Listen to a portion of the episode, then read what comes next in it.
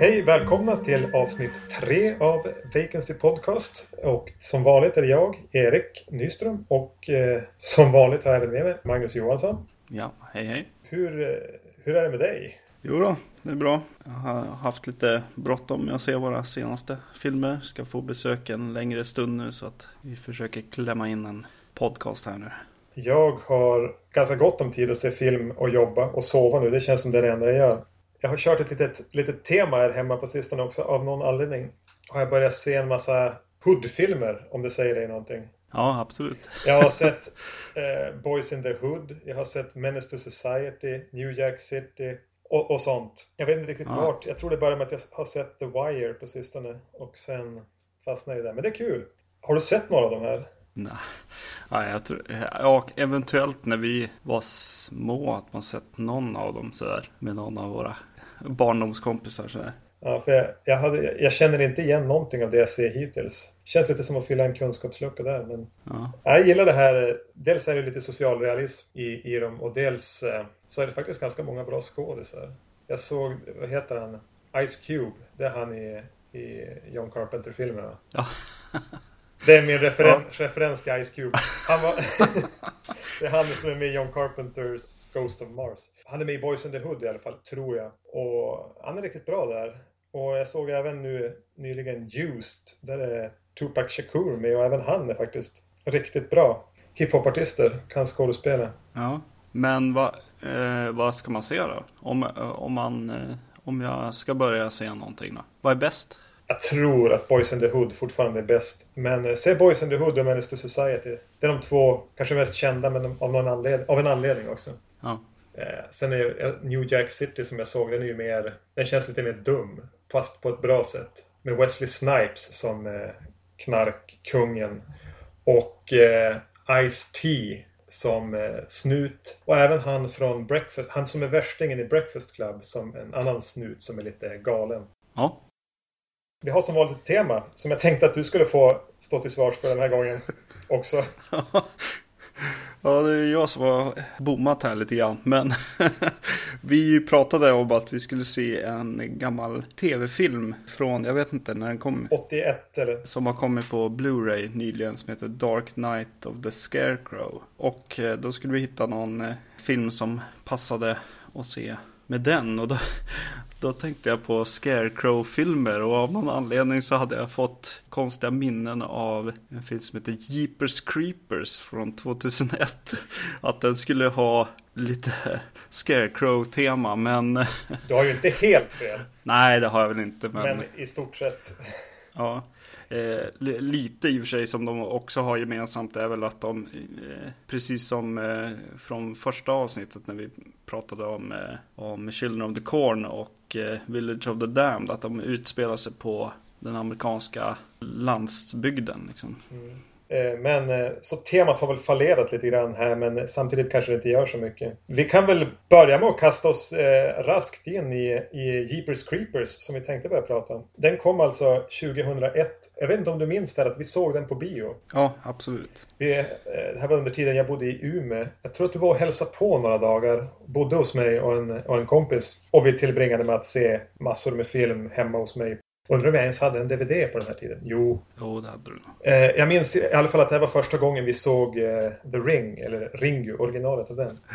Ja, vi sparade det till sist. Vi var lite nervösa och se den att vi skulle bli rädda.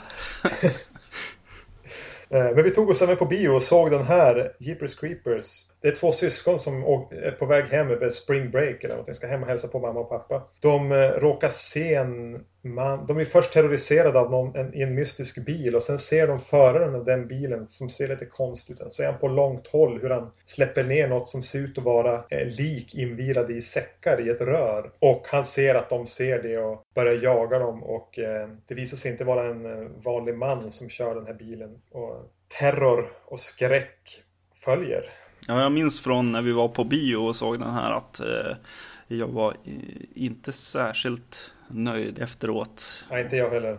Och eh, jag förstår väl vissa delar av det även, även nu. Den har, har som en vändpunkt någonstans i mitten av filmen där den helt tappar bort mig.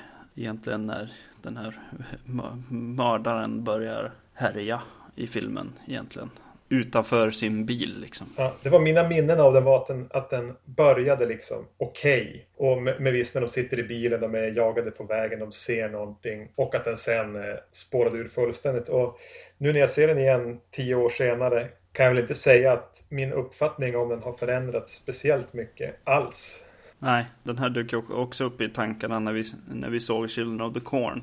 Ja, den börjar lite, lite lik, lik den filmen att eh, de kör på en landsväg och ja, plötsligt händer någonting liksom. Någonting lite så här läskigt, en chockgrej. I Children of the Corn är det förstås när de kör på det här barnet och i i den här filmen är det egentligen att de blir jagade, uppjagade av den här mystiska bilen. Mm. Och det tycker jag den har ändå, alltså att den, den startar liksom snabbt och det är lite, ja, just att de ser det här med röret och det är väldigt, väldigt fort och de presenterar karaktärerna för att komma in i liksom ja, att de ska vara jagade, jagade hela filmen egentligen, de här syskonen. Men de hamnar ganska snabbt i någon slags återvändsgränd då också. Det går ungefär 20 minuter av filmen med den här lite upptrappningen. Och sen står filmen på exakt samma ställe och liksom rör sig snarare i sidled än att den stegrar eller någonting. Mm. Det händer inte så mycket mer. Inledningssekvensen som jag tror att jag tyckte ganska okej okay då när de bara sitter i bilen eller åker i bilen. Nu kändes den som att den, ja men den är väl okej. Okay.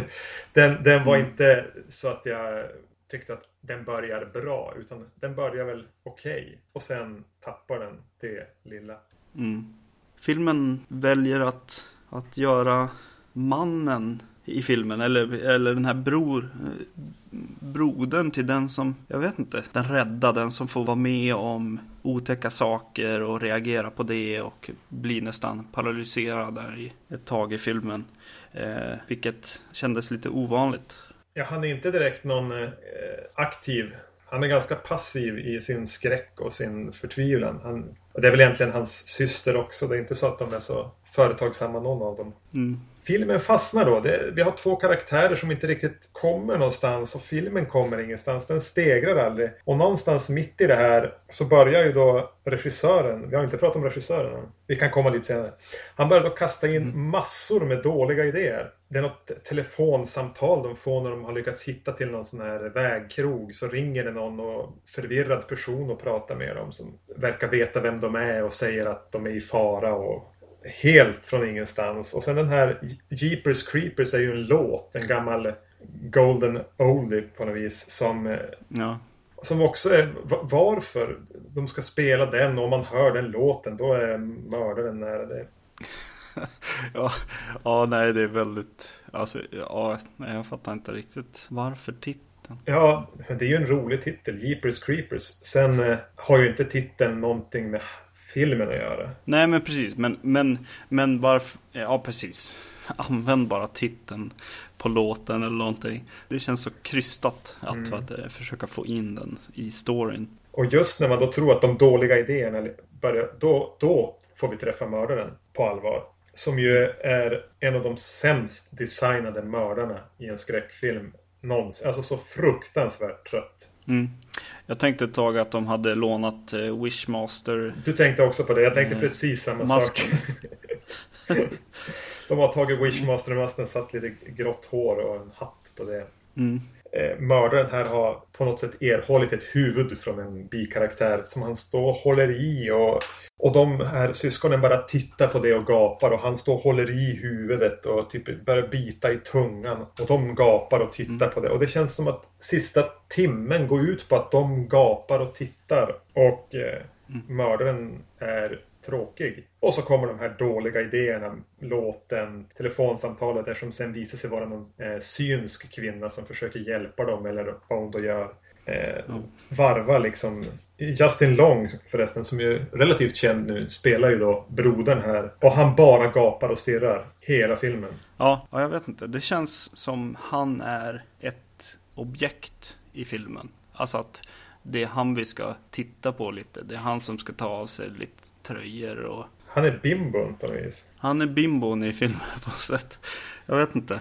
Eh, I slutet är det någon, vet du, någon eh, åkning över hans kropp också som börjar väldigt, väldigt, väldigt långt ner på nere vid könet. Är det nu det börjar vara läge att prata om regissören då alltså menar du?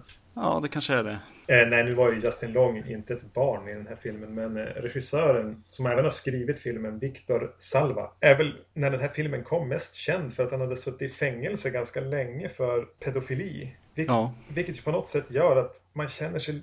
Visst, han har sonat sitt straff och ska väl behandlas som alla andra, men det är någonting med just det typen av brott som gör att... Jag vet inte.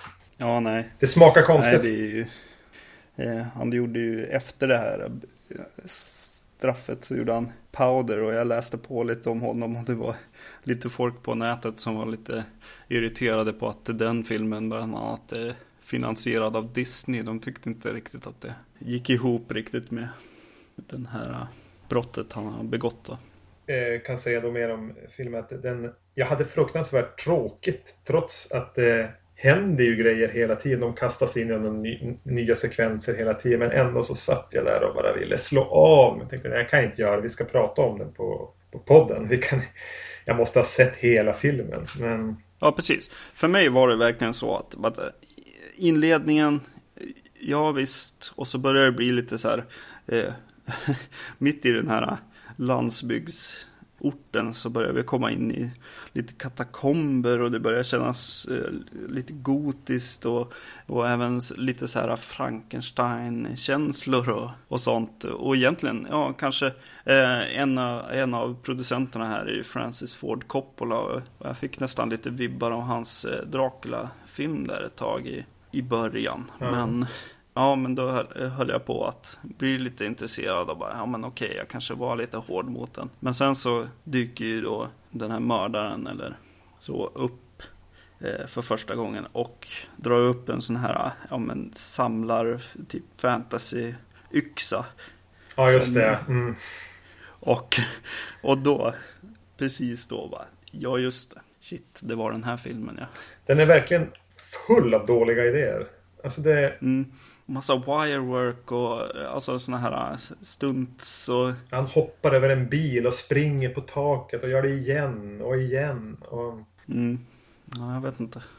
Jag kommer ihåg när du sa det om början. Det jag gillade faktiskt var den här kyrkan som man liksom har byggt någonting under med alla de här kropparna mm. och röret. Och massor med, vad är det, korpar eller fåglar. Som sitter mm. i träden. Och just den, där fanns det också fragment om någonting som kanske inte hade varit, var helt dåligt. Ja, jag vet inte. Det blir någon slags effektsfilm med mycket stunter och Ja, jag vet inte. Det är ganska mycket action för att vara en, en eh, skräckfilm också. Och inte bra action. Nej.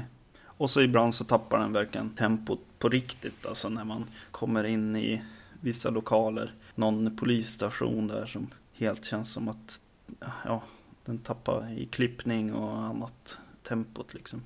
Eh, det är liksom små människor i stora lokaler och ja, det blir trist helt enkelt. En sista dålig idé jag bara har skrivit ner i mina anteckningar här. Eh, det här med beating you och be eating you. Registreringsnumret. Ja. Nej, jag har inte ens tänkt kommentera det. Det bara ännu en dålig idé som verkligen inte spelar någon roll. Som någon gimmick Nej. som någon kom på. på Nej. Ja, det jag tänkte på också det var ju att man, man eh, började tänka på en annan film som kom det året. Joyride. Eh, eller hette den något annat här? Den hade väl två titlar. Ja, med Steve Zahn. Ja. Zahn heter han så. Och eh, Paul Walker. Mm. Eh, där de också blir liksom jagade egentligen genom hela filmen. Men där är ju det positiva att mördaren är, eller mördaren, den som jagar dem är en helt vanlig läskig människa. Det hör väl kanske till saken att jag ofta tappar intresset när mördaren kanske visar sig vara lite mer övernaturlig. Ja, och särskilt så här fantasilös övernaturlig. Ja, precis. Så jag saknade lite Rusty Nails, eller vad han heter, från Joyride. Eh, jag antar att du har noterat att det kommer en trea också.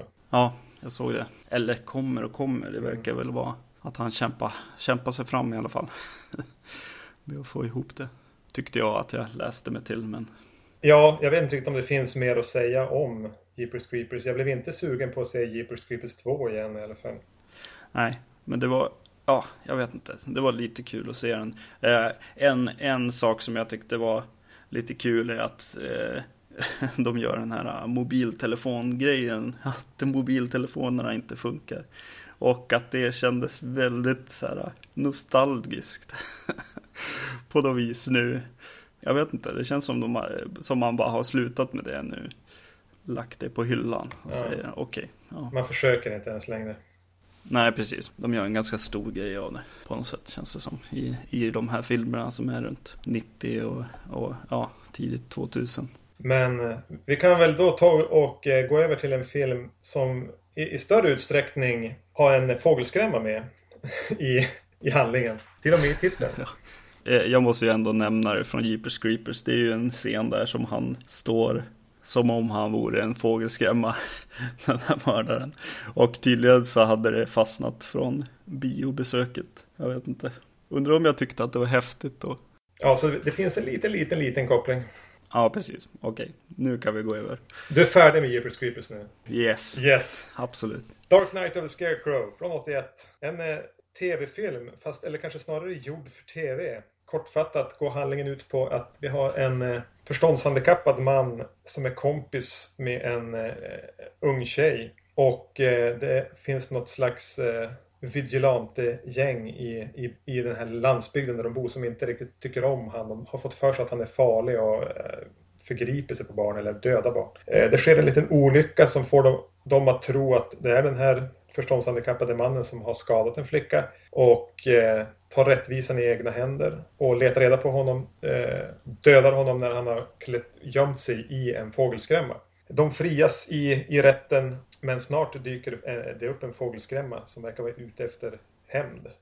Korta drag handlingen. Just det, och den här, eh, vad ska man säga, efterblivna mannen spelas ju av eh, Larry Drake. Lagens änglar i, från Lagens Änglar. Och eh, han heter Bubba i filmen. För att understryka, hade har någon slags, eh, eh, jag vet inte, Karlsson på taket kläder på sig. Hans, Larry Drake får mig verkligen att tänka på Robert Downey Jr.s varningstal om att spela efterbliven. I Tropic Thunder så har han ett tal där han säger You never go full retard. Och eh, Larry Drake, han går fullt ut. här. Nej, det är skrattretande. Eh. Du tyckte inte han var övertygad i rollen som Bubba? ja, kanske som Bubba då. Just att, ja, jag vet inte. Det, han, det, han, gör det väldigt, han gör det väldigt enkelt för sig som förståndshandikappad i att eh, det är verkligen alla klichéerna. Eh, men Samtidigt så vet jag inte riktigt om det här är någon film där jag hade... På något sätt kan jag tycka det fungerar i, i kontexten av filmen. Den behöver inte vara... Nej, alltså den behöver ju vara... Och alltså i början också, den, det känns ju som att ja, de vill ju göra en poäng och de vill ju snabbt få en att liksom fatta. Ja, på det sättet så levererar han ju. Mm. Jag tänker första scenen när man får träffa dem så sitter de på en typ en äng han och den här flickan som är hans kompis. Och typ, det är något med någon blomma och han tar den för hårt och grejer. Jag tänkte direkt på, på gamla Frankenstein-filmen. Ja, just det. Så träffar ja, ju Frankenstein en ung flicka och det är någon nu var det ett tag sedan jag såg den, men det är någonting med blommor och han, Frankenstein, har ju då ihjäl Fast det är en olycka, men han råkar ju ha ihjäl den lilla flickan. Så det är förmodligen någon mm. tanke med den kopplingen. Ja. Eh, men vi får lite dammig och så en mysig landsbygd igen. Rut, ja, rutiga skjortor och lantbruk och vägdamm. Och det är, och det är ju 4-3 då, tv-film. Eh, jag skulle ju säga att ja, för att heta Dark Knight of the Scarecrow är det nog den ljusaste filmen jag sett, höll jag på att säga. ja, det utspelas mm. väldigt mycket dagtid. Samtidigt, alltså, jag tycker ju inte den ser ut som en typisk tv-film i, i. Okej, okay, det, det är 4-3 format på fotot, men den ser ju ändå ut som en riktig film bortsett från det, tycker jag. Ja, och att de är mycket i öppna miljöer och on location. Liksom. Ja, det är ingen studio. Nej. Och, och en annan sak som avslöjades dess eh, tv-status är ju de här fade to black-grejerna där, där det ska in reklam. Mm. Eh, jag visste ingenting. Jag kände inte till den här filmen förrän den dök upp på, på Blu-ray. På, så, jag tyckte den såg intressant ut så vi hade ju köpt den ovetandes om varandra båda två. Mm. Eh, och läste lite om den och fick en liten, liten hype har det varit kring den. Som en bortglömd liten klassiker. Ja, när du säger så så, jag vet inte, jag börjar se den som att så här, nu är det ju inte så säkert, men det känns som en sån där film som skulle kunna gå på en högtid, liksom eh, runt halloween eller vad det nu kan vara, eh, på tv, ungefär som Ivanhoe går. Mm. Eh, här hos oss vid nyår eller vad det är. Det känns som den här filmen som många amerikaner har ett minne av att ha sett när de var i 12-årsåldern och velat se igen för de minns den som väldigt bra och väldigt obehaglig. Nu mm. 30 år senare dyker den upp på Blu-ray för allmänhetens beskådan. Och, ja, vad tyckte du om, eh, om, om, Dark Knight of the Scarecrow? Blev du rädd? Nej, det blev jag väl inte. Men det, men det fanns en...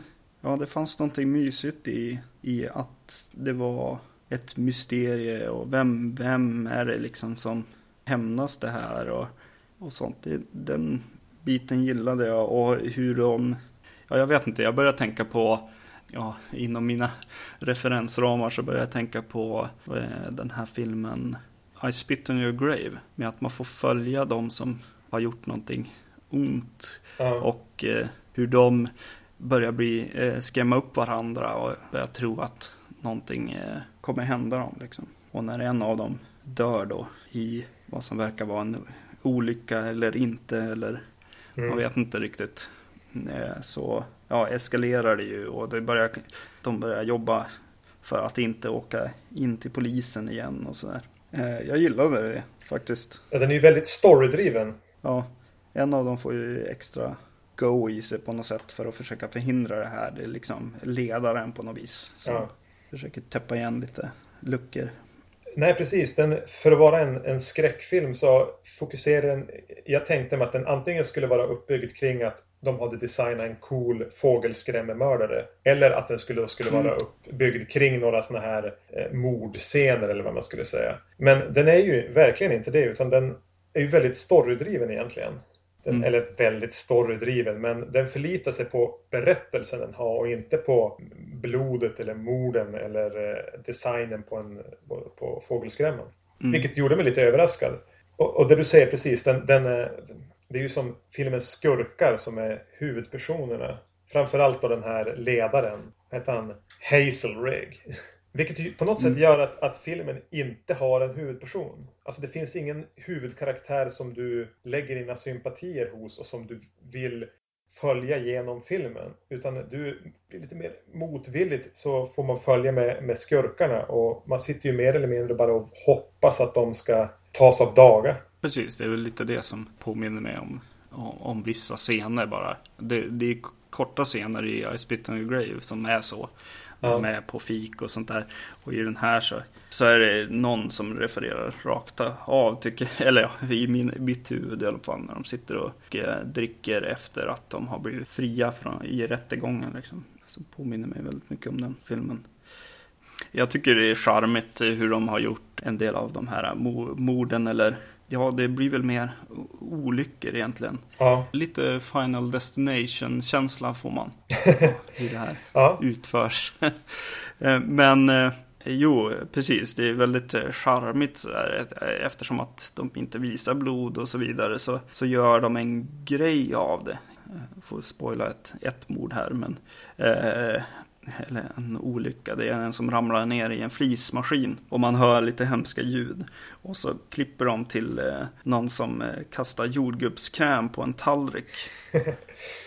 Och jag tyckte det var lite mysigt faktiskt. Jag hade verkligen förväntat mig i, just den scenen så glider som kameran upp till en, till en lampa som hänger ovanför flismaskinen han faller ner i som gungar sig. Och den är väldigt vit på insidan, en ganska stor lampskärm. Och jag väntade ju bara att det skulle skvittra upp blod i den. Men nej, istället klipper de till den här vita tallriken som någon slänger jordgubbskräm Jag tyckte också det var jätteroligt. Mm, det var charmigt. Den är ju väldigt gammeldags ändå. Den hade lika gärna kunnat vara svartvit och vara från 1955. Ja, precis. Jo, det känns som eh, lite 50-tal på den. Jag vet inte om, det, eh, om lite av det görs av den här eh, postmannen som har någon slags postmanshjälm på sig. Gud vad lång tid det tog innan jag förstod vad han var för någonting. Jag trodde han hade gjort, köpt någon egen så här blå plasthjälm som han har för att liksom visa att jag är minsann ledare för det här medborgargardet. Men sen är det tydligen någon... Ja, precis. Nej, det är tydligen... Det, jag vet inte. Ja, det kanske är något sånt. Eh, Men han är ju brevbärare och kör Nej, fast han... Ja. Nej, det är en post, posthjälm tydligen då. det har jag aldrig sett för. Det fanns en epok när brevbärare var tvungna att ha hjälm alltså. Ja, tydligen. Den blir ju rätt långsam samtidigt. Och jag börjar fundera liksom, vad är, vad är grundidén? Alltså vad, när, när man pitchar den här filmen. Går man in och säger jag har den här fågelskrämman som är jätteläskig. Eller alltså, I och med att det är väldigt, om vi ska avslöja det också, det är väldigt lite fågelskrämma. Ja, det är lite intressant så här. Det dyker ju upp ganska mycket, eh, eller för mig lite så här kända ansikten som dyker upp. Och, ja. Eh, det, ja, det känns som att det är mysteriet kanske som... Ja, fast hur fan pitchar man det? ja, nej, det är svårt. Samtidigt kanske den här kommer på en tid när man inte behövde pitcha idéer med en bra gimmick utan man helt enkelt fick eh, manusförfattaren fick chansen att berätta en, sin historia som man ville göra. Som mm. en gammeldags skräckfilm gjord för tv 1981. Man måste komma ihåg det, den här kommer 81, den här kommer mitt under när slashervågen verkligen rasade i, i, i, i landet. Det mm. måste, man undrar liksom hur den upplevdes då. Att se fredagen den 13, sen ser du The Prowler, sen ser du den här. Den hör inte ens hemma i samma, samma genre. Vilket man skulle kunna tro med upplägget. Den skulle ju lika gärna kunna vara en, en, en slasherfilm med blodiga mord med en fågelskrämma som släpar sig omkring och lämnar halm där bredvid offren eller någonting.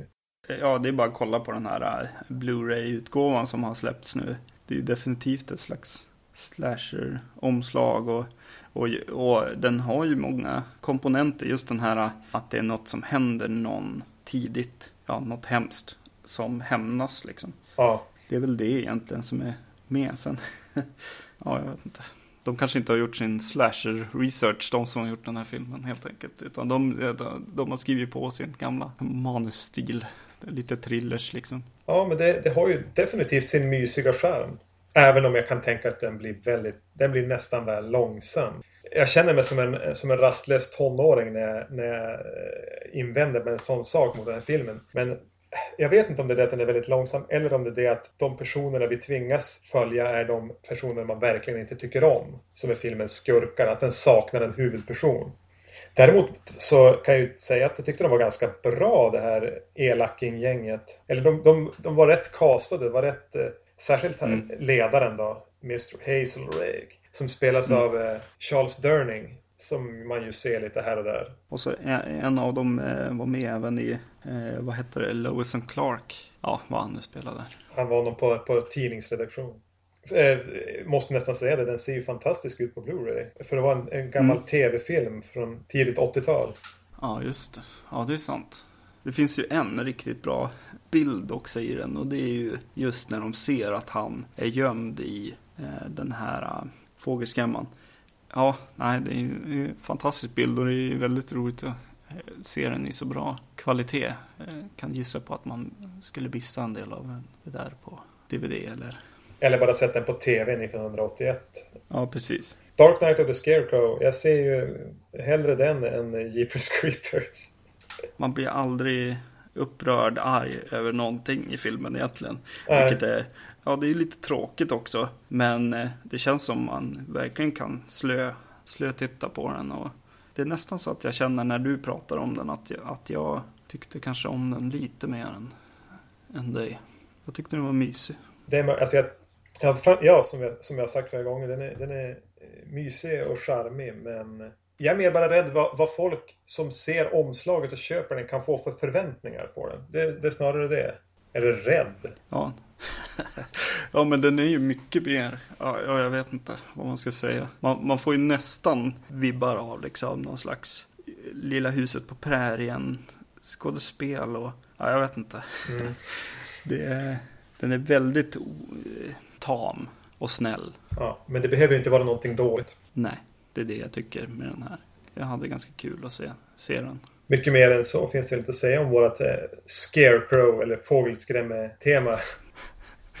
Nej. Där vi alltså in, valde att inte se Scarecrows.